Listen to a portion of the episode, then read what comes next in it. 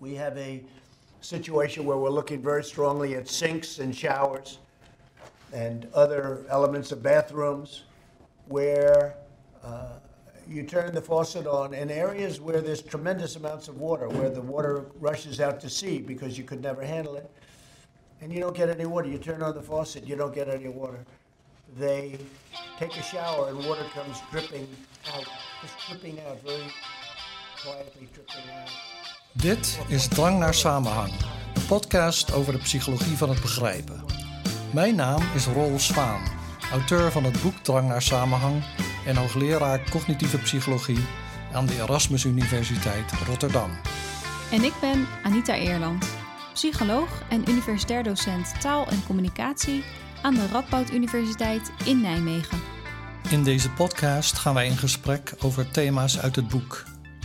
Je hoeft het boek niet te lezen om ons te kunnen volgen, maar het is wel zo leuk natuurlijk. In deze aflevering gaan we het hebben over taal en begrijpen. Hoe geven we betekenis aan een enkel woord? Wat is het probleem bij het begrijpen van krantenkoppen? En waarom zijn zinnen makkelijker te begrijpen? Ja, in het boek heb ik het over het stopwoord. In een stopwoord dan zie je het woord stop op een bord. En woorden komen meestal in zinnen voor of, en in teksten. Maar hier heb je het woord alleen. En hoe begrijp je dan dat woord? Nou, wat je daar ziet is dat je dus heel veel achtergrondkennis moet gebruiken om te weten wat je daar moet doen. Dus uh, in dit geval dan uh, de regels van het verkeer moet je kennen. Stop betekent niet uh, stop met kauwgom kauwen of stop met naar de autoradio luisteren of stop met de motor aan hebben of in je neus peuteren. Het betekent stop met rijden. En nog specifieker, het betekent niet uh, stop met rijden, zet de auto uit en stap uit je auto. Het betekent stop met rijden totdat uh, de kruising vrij is en steek dan over. Maar al die informatie staat niet op het stopbord. Dus dat woord alleen, uh, daarmee begrijpen we niet wat we moeten doen. Dus een woord begrijpen betekent dat we heel veel achtergrondkennis moeten inzetten. En zoals ik ook in het boek schrijf, toen ik in Amerika woonde, toen had ik in het begin niet door hoe een four-way stop werkt. En dat is dus een kruising waarin je aan alle kanten een stopbord hebt. Um, en dan is dus de vraag, als je daar staat, wanneer mag je rijden? Nou ja, in het begin dacht ik, uh, nou ja, iedereen staat te wachten, dus ik ga maar. Maar het kwam mij op heel veel getoeter te staan. Want, zo leerde ik vrij snel, de bedoeling is dat je um, dat het eerst, wie het eerst komt, wie, die het eerst maalt. Dus als jij als derde aankomt, dan wacht je tot twee anderen al zijn gegaan en dan ga jij. Dus dat is weer een extra stukje kennis dat je nodig hebt om dat stop te begrijpen in het Engels. En nou ja, uh, wat je ziet met woorden, uh, wat, wat denk ik veel mensen misschien niet beseffen is hoeveel verschillende betekenissen kunnen ze kunnen hebben. Of uh, laten we zeggen, um, gradaties van betekenissen. Dus het woord rood bijvoorbeeld. Uh, bij rood denk jij misschien aan een jasje of zoiets, weet ik veel. en, nou ja, nou weer een jasje. weet ik veel. Of uh, uh, een ballon of een fiets. die zijn knalrood, een brandweerauto. Nou, ik denk eerder aan rode wijn. Nou, rode wijn. Dus dat is een voorbeeld van een ander soort rood. Hè? Dus als je de kleur rood of het woord rood kan wel een beeld oproepen van dat brandweer rood. Maar dat woord wordt ook wel gebruikt om andere vormen van rood aan te geven. Dus uh, rode wijn is haast paars, zou ik zeggen, vaak. En dan heb je uh, bijvoorbeeld uh, een rode vos. Die is ook wel rood, maar weer anders dan rode wijn. Ja. Dus rood is eigenlijk een begrip met misschien wel een kern, hè, dat knalrood waar je aan kunt denken. Maar daarnaast zijn er allemaal gradaties die ook aangeduid worden met rood. En dan wordt rood natuurlijk ook nog figuurlijk gebruikt voor, uh, laten we zeggen, in de oude tijd was rood was een communist. Ja, of uh, rood staan. Rood staan, inderdaad, ja. Dus uh, er zijn allemaal, dus dat zijn figuurlijke vormen, vormen, maar zelfs met de kleur heb je al verschillen. En je ziet dat ook met woorden van beweging, zoals lopen. Dus een mens loopt, maar lopen betekent niet lopen op twee benen, want een rups loopt ook een paard loopt. Uh, en, maar een zandloper loopt ook. Mm. En een klok loopt. Dus uh, loopt heeft ook weer allerlei gradaties van betekenis. En je hebt dus uh, je achtergrondkennis nodig en woorden die eromheen staan om te weten wat, hoe je dat woord dan precies moet invullen. Dus als je rood op zich tegenkomt, dan weet je nog niet zoveel. Je kunt ervan uitgaan, het is uh, brandweerwagen rood, maar dat hoeft niet. En als je dan het woord wijn erbij ziet, dan onmiddellijk is het woord uh, is het meer een soort paarsachtige rood en denk je niet meer aan brandweerwagen rood. Ja, dus we hebben het nu gehad over hoe we woorden begrijpen. En volgens mij is het zo dat omdat we woorden vaak niet los tegenkomen, Mhm. Eh, dat we eh, heel, heel veel uit de context moeten halen om betekenis toe te kennen aan een bepaald woord. Ja, dat klopt. Het is zelfs zo dat je veel uh, woorden, woordbetekenissen zo eigenlijk leert. Hè, door uh, een tekst te lezen en dan komt er een woord in voor dat je niet kent. Maar uit de andere woorden in de zin kun je opmaken wat de betekenis is van dat woord. En nou, dan heb je er weer een woordbetekenis bij. Dus daarom is het zo dat kinderen die um, vroeg beginnen met lezen, vroeg kunnen lezen, die bouwen een enorme voorsprong op. Want die komen tijdens het lezen uh, onbekende woorden tegen. En uh, door de context vinden ze uit wat de betekenis van dat woord is. Die grotere woordenschat stelt ze in staat om weer moeilijkere teksten te lezen. En zo, uh, zo gaan ze verder. Ja. Um, en... Ik heb daar ook wel een uh, interessant artikel over gelezen. Over mm -hmm. uh, het belang van het kennen van de betekenis van losse woorden in uh, het begrijpen van een ah, tekst. Ja. En dus we komen heel vaak in een tekst woorden tegen die we nog niet kennen. Niet Ja. alleen als kind, maar als volwassene Ja, ook. zeker. Um, en we hoeven al die woorden helemaal niet te kennen om een tekst te kunnen begrijpen. Je kan best wel een groot percentage, maar ik weet niet meer precies hoeveel dat was. Maar um, nou ja, meer dan je zou denken. Um, aan woordbetekenissen hoef je niet te kennen om een tekst toch nog te kunnen begrijpen. Zolang je de betekenis van bepaalde woorden maar enigszins af kunt leiden uit de context, dan kun je een tekst nog steeds goed begrijpen zonder dat je de betekenis van alle afzonderlijke woorden kent. Ja, ja, en daar zit dan waarschijnlijk een bepaalde on- ondergrens aan. Als het aantal woorden dat je niet kent te groot is, dan moet je zoveel ballen in de lucht houden, dan, uh, dan lukt je dat niet meer. Maar met een aantal onbekende woorden zeker, omdat de context, die in dit geval dan bestaat uit de andere woorden in die tekst en de kennis die daar uh, mee samenhangt, die, die helpen je om uit te vinden wat dat onbekende woord ongeveer betekent. Ja, Ja. dat klopt. Ja, en, en dus dan is de vraag van uh, hoe maken die woorden dan contact met jouw kennis? Hè? Dus je ziet een woord, het stopwoord, op, uh, op een bord of je, je hoort het woord rood, rode wijn. Hoe, uh, hoe activeert dat dan jouw kennis? En ja, in de cognitieve psychologie, zoals jij natuurlijk ook weet, hebben we daar allerlei theorieën over. Maar de, in de kern komt het erop neer dat het idee is dat woorden knopen zijn in een netwerk. Mhm. Um, en dat wanneer zo'n woord, wanneer je dat hoort, dan wordt dat netwerk geactiveerd bij die knoop.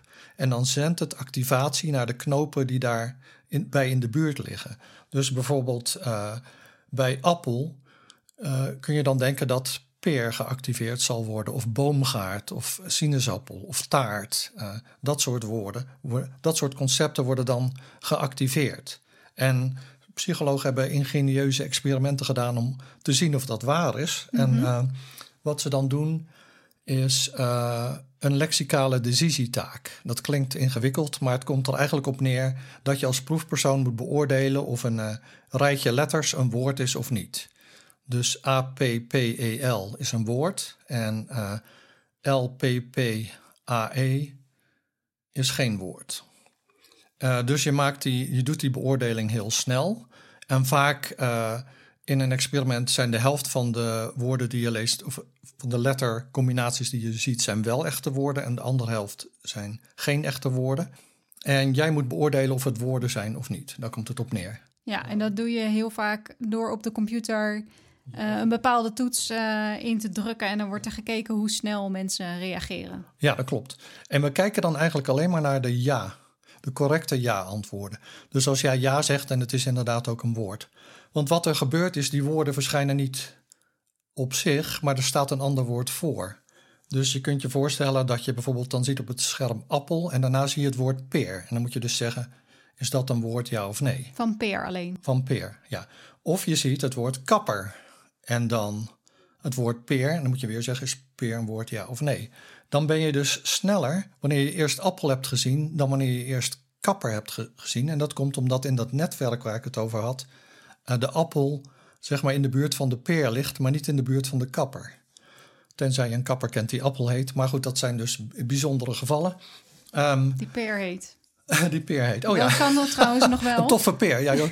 Hij kan zo kaal zijn als een appel of als een peer. Of het kan een toffe peer zijn. Nou ja, zoiets in, in ieder geval. Uh, dat is waar. dat zou kunnen. Um, maar goed, dan nog is dat misschien voor één uit uh, duizend personen zo. Uit ja. de tiende.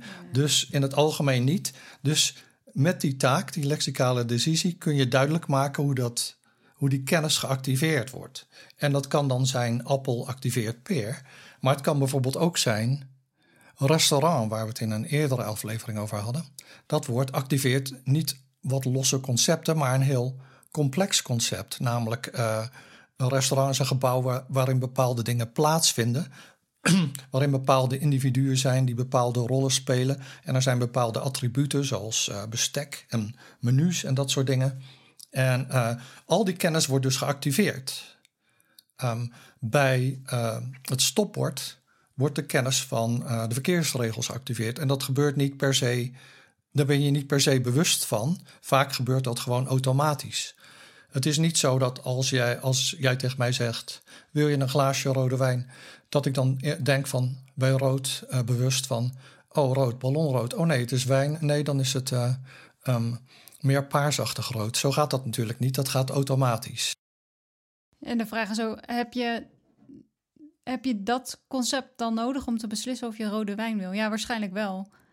Nee, als jij tegen mij zegt: Wil je een glaasje? Dan weet ik wel genoeg eigenlijk. Maakt niet uit wat erin zit. nee precies. Um, nee, dus dat. Uh, dus daar heb je eigenlijk aan een half woord genoeg. Uh, daar komen we nog later over te spreken, natuurlijk. Um, maar ja, dus zo activeren woorden andere woorden en hele complexe kennisstructuren. Het woord hand bijvoorbeeld kan activeren vingers, die onderdeel zijn van een hand. Van een hand maar ook de arm, die weer een structuur is die zeg maar conceptueel boven de hand staat.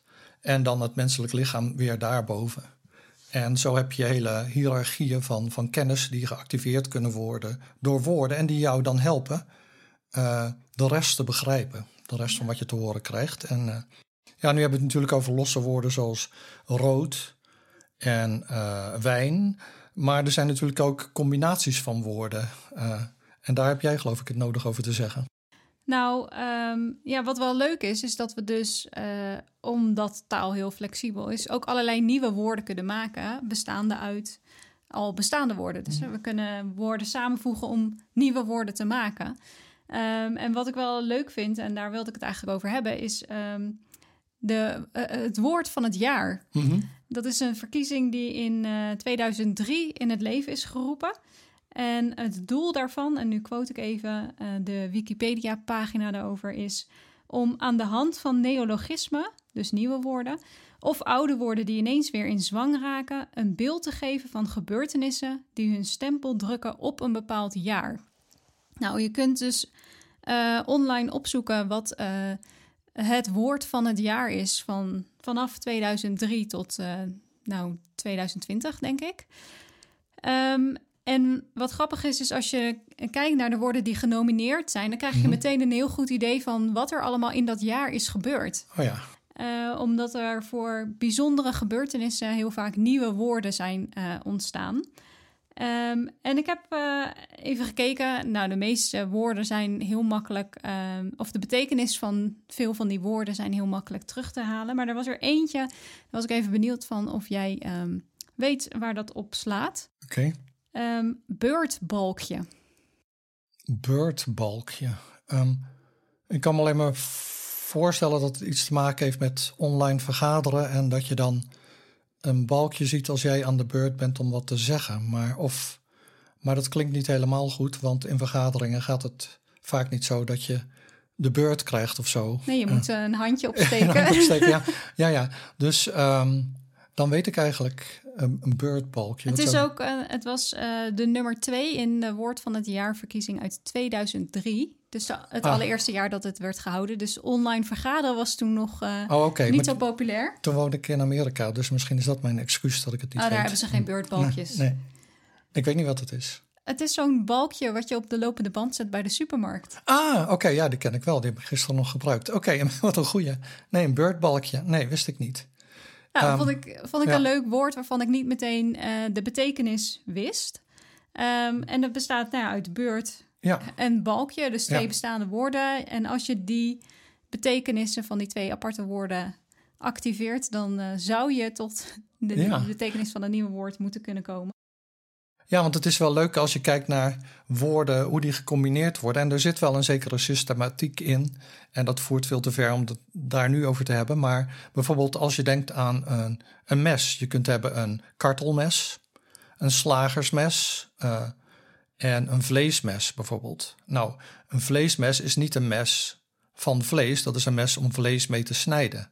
Een slagersmes is wel een mes waar vlees mee gesneden kan worden. Maar is een mes dat gebruikt wordt door een slager. En een kartelmes is een mes dat kartels heeft. Dus je, hebt in, je kunt niet zeggen, oké, je hebt mes en dan het woord ervoor. En het woord ervoor heeft altijd dezelfde functie met betrekking tot het mes. Dat hangt maar net van de combinatie af. We moeten nu weer een eh, onbegrip van de week eh, gaan eh, bespreken. Mhm. Maar mijn onbegrip is eigenlijk niet een onbegrip van de week, maar een onbegrip van de afgelopen Vijf jaar. Nou, ja, misschien nog wel langer. Ehm, en het heeft te maken met nou, hoe we deze aflevering ook zijn begonnen, namelijk met een speech van Trump. Ja. Ehm, nou, deze speech vond ik totaal onbegrijpelijk. En dat komt door verschillende redenen.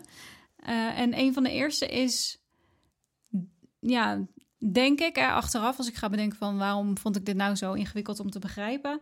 Het eerste is dat je eh, hoort dat het Trump is. En dat Ja. activeert, eh, zoals je net zei, hè, via die, eh, zo'n semantisch netwerk, activeert dat de betekenis van de president van de Verenigde Staten. Dat was die toen nog, Ja. toen ik dit fragment hoorde. Want het is volgens mij van 2020. Mhm. Ehm, en dan hoor je hem praten. Dus activeert allerlei verwachtingen over waar die persoon het dan over gaat hebben, mogelijkerwijs. En dan hoor je hem praten over ehm, kranen en eh, badkamer dingen, doorspoelen van het toilet. Dat verwacht je meer bij een loodgieter dan bij een president. Precies, dus Ja. daardoor word je op het verkeerde been ehm, gezet. En dan is het ook nog zo dat hij heel onduidelijk spreekt. Hij gaat heel vaak van de hak op de tak. Hij maakt heel vaak zijn zinnen niet af. Hij wijdt heel erg uit. Mhm. Dus het is heel moeilijk om de rode draad te volgen. En eerlijk gezegd, ehm, ik heb ook de tekst opgezocht. Dus de Mhm. uitgeschreven tekst. Om te kijken van begrijp ik dan eh, welk punt hij wil maken. En volgens mij gaat het erom dat we vooral geen water moeten verspillen. Maar dat is helemaal niet heel duidelijk te halen uit eh, de toespraak van, van Trump. En dat geldt niet alleen voor deze speech. Ik zal de hele speech trouwens in de show notes zetten. Maar voor heel veel andere praatjes van hem ook. Ja. Dus ik maakte altijd dankbaar gebruik van zijn voorbeelden als ik het had over begrijpelijkheid en onbegrijpelijkheid in, eh, in mijn colleges. Ja, maar dat was dus ehm, mijn onbegrip voor deze week. Ehm, en ik neem aan dat jij eh, er ook eentje hebt. Nou, eh, deze, dat, deze clip van eh, Trump zou ook voor mij kunnen gelden. Ik begrijp hem ook niet. Ehm, maar ik heb een meer prozaïsche. Die heeft te maken met een lokale lekkernij hier in Carinthië. De kaasnoedel. Eh, ja, ik zeg ook lekkernij tussen aanhalingstekens. maar mijn eerste onbegrip is meer linguïstisch van aard. Eh, want ik dacht kaasnoedel. Ik dacht oké, kaas, kezen. Dus een kaasnoedel zal wel dialect zijn voor een noedel van kaas. Ja, Maar dat is dus niet zo. Want eh, in het lokale dialect betekent kaas kwark of eh, wrongel. En eh, wrongel klinkt niet zo smakelijk, maar dat is precies hoe de inhoud smaakt. Dus in het begin dacht ik nog van, oké, best wel grappig dat ze dan kaas net zo zeggen als de Nederlanders hier in Carinthië. Maar dat blijkt dus niet zo te zijn. En dat heb ik pas recentelijk uitgevonden. De kaasnoedel op zich begrijp ik ook niet. Ehm, ik heb de geschiedenis ervan een beetje gelezen. En eh, blijkt dat ze in de 15e eeuw hadden ze al kaasnoedels in Carinthië. En eh, ze werden vaak op vrijdag gegeten, want dat was een vleesloze dag. Eh, vandaar dat je nu, als je dus vegetariër bent, dan wordt jou vaak een kaasnoedels aangeraden. Want ja, dat is het vegetarische gerecht dat ze sowieso al hadden. Maar voor mij zijn het altijd een beetje afbakbroodjes die niet afgebakken zijn. En dan zijn ze uitgehold en er zit er een smakeloos um, kaasdingetje in. En ze zijn kleurloos. Uh, um, dus wat ik er niet aan begrijp is, het heeft helemaal niks van wat mensen lekker eten vinden. Namelijk iets uh, wat krokant is, wat een lekker kleurtje heeft en uh, wat smaak heeft. Het heeft geen van die dingen. En toch zijn mensen hier tamelijk beledigd als je schamper doet over de kaasnoedel. Ja, in het eerste deel hebben we het gehad over uh, de betekenis van losse woorden. En hoe we losse woorden begrijpen. En dat we daar heel vaak context voor gebruiken. En er zou een logische stap zijn om nu te kijken naar hoe we zinnen mm -hmm. uh, begrijpen. Maar er zit eigenlijk nog iets tussen. Iets tussen losse woorden en volledige zinnen, namelijk krantenkoppen. Ja. En dat zijn vaak, dat zijn vaak geen volledige zinnen. Um, en het is meer dan een los woord. Uh, en het is heel interessant om te kijken naar hoe we die begrijpen, omdat daar heel vaak sprake is van ambiguïteit. Ja, je had me daar mooi mee tuk in de eerste aflevering toen ik. Wat was het ook weer? Panzervoertuigen worden ingezet. Help bij dierlijke voortplanting. Oh ja. ja. precies. precies. Ja, nou, ik heb er nu nog eentje voor je. Ah. Um, Leuk. Deze is, nou, deze is eigenlijk niet zo moeilijk, maar het is om aan te geven um, wat het probleem is met het begrijpen van krantenkoppen. Uh, dit is er al eentje weer van een tijdje geleden. Uh, politie Rotterdam schiet bijna jongens met nepwapen neer. Ah, ja, die begrijp ik wel. Uh, maar waar zit het, het mogelijk probleem? Het probleem zit waar dat nepwapen bij hoort. of het het instrument is dat gebruikt wordt door de politie, of dat het een attribuut is van de jongens. Ja, dus, precies. Dus, ja. ja, dat is ook heel, heel bekend uit onderzoek naar syntaxis, uh, zinsbouw, uh, dit soort voorbeelden, waar, waar dan, uh, want dat is een, het is een ambiguïteit die je niet kunt oplossen zonder context. Precies. Ja, en, en hoe we dat precies doen, daar zal ik straks nog wat over zeggen. Maar dit is een vrij makkelijke zin, waar, waar, of, ja, die je op twee verschillende manieren kunt begrijpen, afhankelijk van waar je, waar je het nepwapen bij, bij plaatst. Um, maar ik las ook een tijd geleden een andere kop. Mhm. Uh, en daar had ik uh, wat meer problemen mee, omdat ik daar um, veel meer dan twee mogelijke betekenissen aan kon koppelen. En ik ben benieuwd um, hoe jij hem interpreteert en, en hoeveel verschillende betekenissen jij ervan kunt maken. Okay. De kop was: Zweden vinden Nederlanders perfect. Zweden vinden Nederlanders perfect. Oh, nou, het kan normaal zou zijn dat je denkt van de Zweden zijn het onderwerp en die vinden Nederlanders perfect. Dus de Zweden vinden dat. Maar een ongebruikelijke zinsbouw, maar niet onmogelijk is dat uh, uh, de Nederlanders de Zweden perfect vinden. Dus Zweden ja, dus... zijn mensen die Nederlanders perfect. Nee, ja. dat is moeilijk uit te leggen. Maar um, ofwel de Zweden zijn de mensen die anderen perfect vinden, in dit geval de Nederlanders. Of de Nederlanders zijn mensen die anderen perfect vinden, in dit geval de Zweden. Dat zijn twee uh, um, dingen die ik kan bedenken, twee betekenissen. Maar vinden kan natuurlijk ook letterlijk zijn van. Uh, um, dus de Nederlanders zijn moeilijk te vinden, maar niet door de Zweden. Ja, precies. Uh, of, of het kan zijn van, uh, nou de Nederlanders, of de, de Zweden vinden de Finnen niet zo denderend, de Noren iets beter en de Denen nog wat beter, maar de Nederlanders, die vinden ze perfect. Uh, ja, van vinden, van die kunnen ze lokaliseren. Zo nee, bedoel... gewoon perfect. Van, dat oh ja, zijn, maar dat was al een van die twee die je, die je eerder oh. had. Oh, oké. Okay. Maar je hebt gelijk, kijk, de Zweden eh, dat kan gaan om Zweedse mensen, maar kan, kan ook gaan om het land zelf. Uh, dus je kan ook nog hebben dat Nederlandse mensen het land Zweden oh, perfect ja. weten oh, ja. te vinden. Ja, klopt. Ja. Um, of, uh, even kijken hoor. Uh, Nederlandse mensen kunnen Zweedse mensen perfect vinden als in lokaliseren. Ja. En Zweedse mensen kunnen Nederlandse mensen perfect vinden in de betekenis van lokaliseren. Nou, ik heb dit eh, voorbeeld ook vaak in college gegeven. Laat ik studenten bedenken hoeveel betekenissen ze kunnen vinden. Maar dat maakt wel dat je, als je zo'n kop ziet, eigenlijk nog geen idee hebt waar dan het krantenbericht over gaat. Het is en... een beetje een rotkop. ja, eigenlijk wel. Um, maar wat ik er wel leuk aan vind, is dat het heel goed uh, de ambiguïteit van verschillende ja. woorden laat zien. En dat heb je dus heel vaak in krantenkoppen.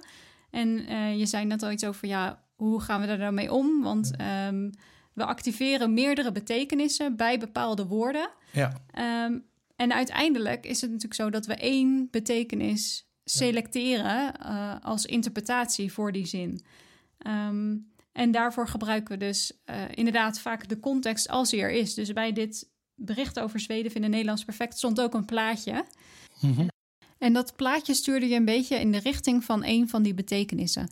En uiteindelijk ging het er volgens mij om dat um, mensen in Zweden heel blij waren met Nederlanders die geëmigreerd waren naar Zweden en daar gingen helpen in de gezondheidszorg. Um, hey, maar um, dus en uh, we hadden het over die ambiguïteit van uh, krantenkop. En dat komt natuurlijk omdat er woorden uit worden weggelaten uit zo'n krantenkop. Want ja, je laat alle functiewoorden weg. De, het, uh, op, in. Mm -hmm. En uh, dus die telegramstijl, die zorgt ervoor dat mensen meer moeite hebben zo'n zin te begrijpen. Want die functiewoorden hebben wel degelijk een functie.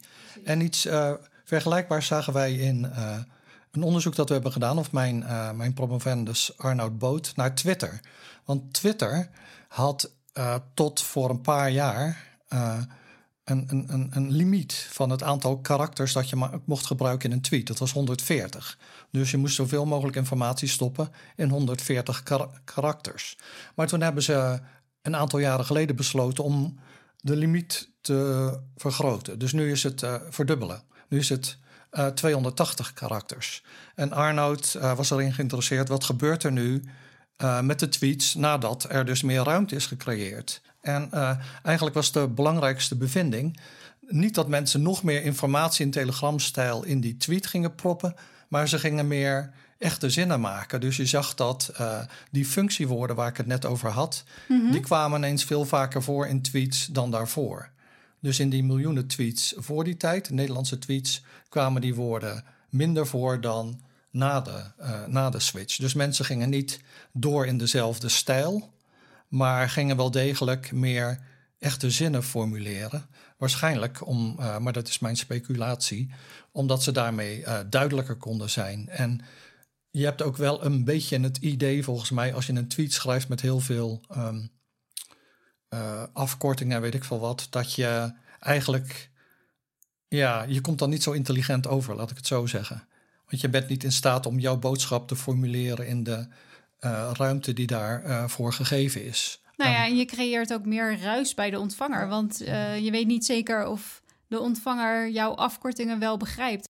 En de reden dat mensen volledige zinnen willen gaan gebruiken is omdat je daarmee het beste een situatie kunt beschrijven. Een situatie in de werkelijkheid of in een of andere fictionele wereld. Um, de zin is eigenlijk het perfecte pakketje van informatie over een situatie. Want hij bevat informatie over wanneer iets gebeurt, hij kan informatie bevatten over waar iets gebeurt. Dus bijvoorbeeld, uh, vorige week liep ik door het bos. Dan heb je de tijd en de locatie. Je hebt ook al een persoon. Mm -hmm. En je hebt een actie. Um, en uh, dan, uh, de, en dat wordt allemaal vervat in die ene zin. Dus als begrijpen is het maken van mentale voorstellingen van situaties, dan is de zin daarvoor uh, de ideale, uh, hoe zeg je dat?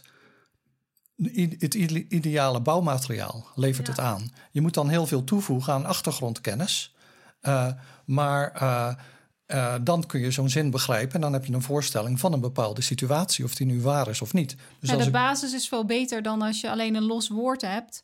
Of ja. een zin in telegramstijl waar nog veel uh, ruimte is om uh, andere interpreta veel ruimte is voor andere interpretaties.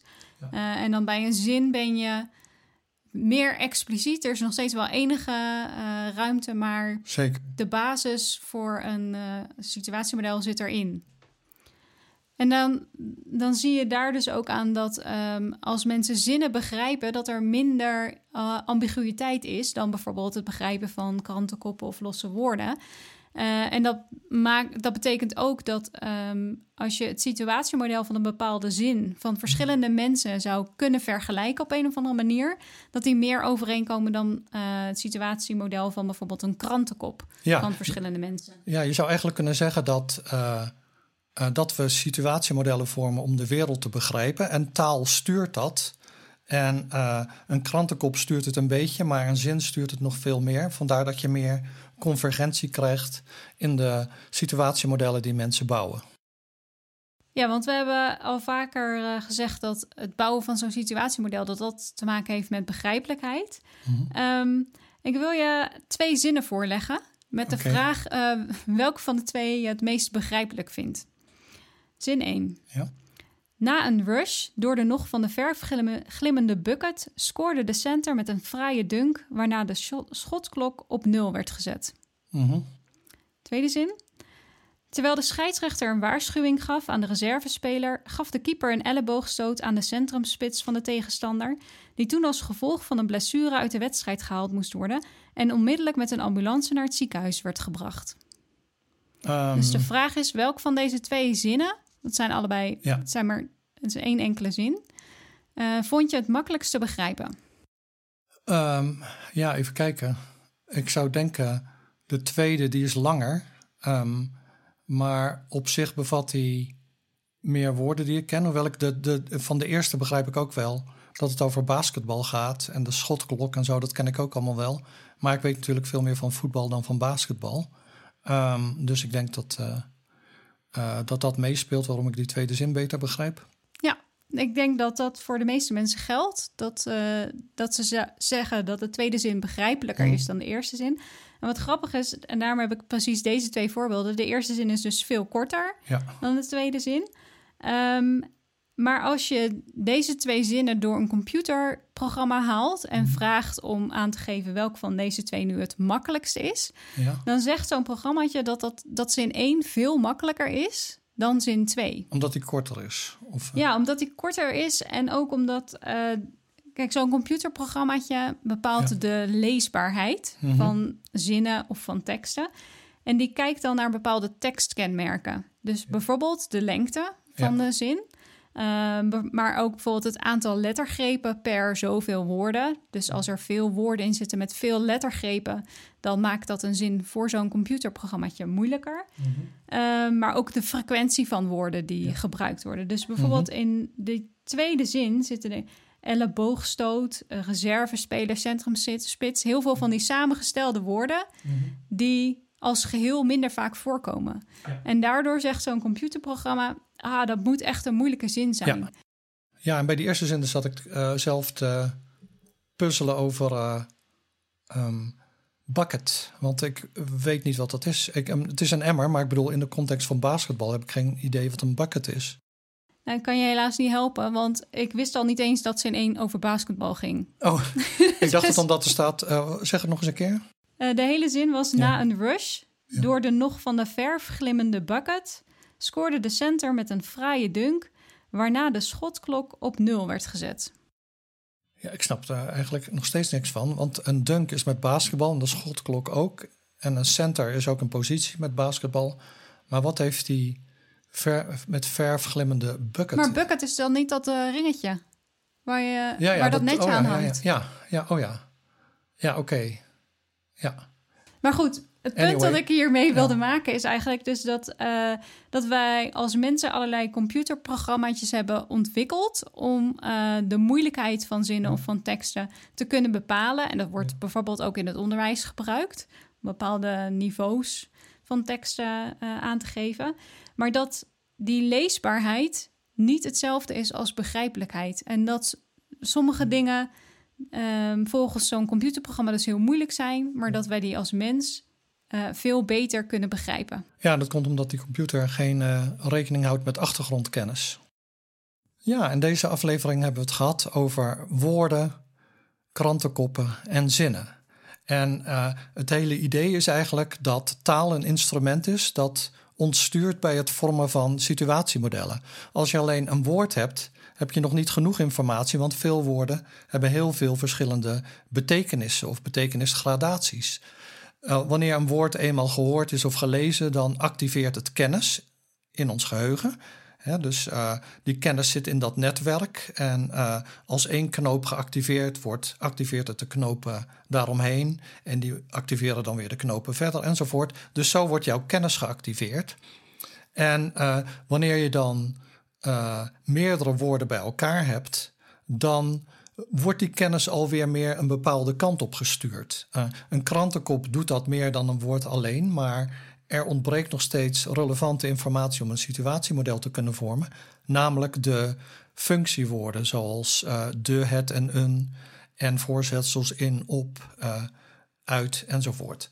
Dus um, wanneer je al die informatie hebt in een zin, dan kun je een situatiemodel vormen. Dat situatiemodel hoeft nog steeds niet compleet of correct te zijn, maar je uh, hebt dan in ieder geval wel meer dan je hebt met alleen een woord of alleen een uh, telegramstijl uh, of een, een, een, zin in telegramstijl.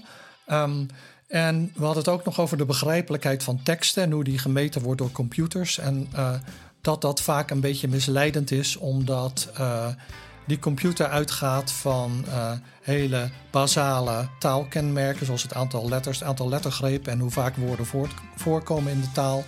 Maar die houdt geen rekening met de achtergrondkennis. Nu hebben we het vandaag gehad over woorden, krantenkoppen en zinnen. Maar we communiceren natuurlijk normaal gesproken niet in losse zinnen. Uh, we vertellen elkaar verhalen. Dus dat betekent dat we ook verhalen moeten begrijpen. En hoe dat in zijn werk gaat, daarover hebben we het in de volgende aflevering. Vond je dit een leuke podcast en wil je geen aflevering missen? Abonneer je dan.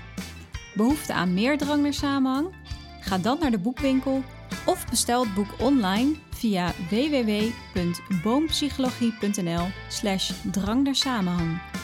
De hoofdstukken die aansluiten bij deze aflevering vind je in de show notes. Tot de volgende drang.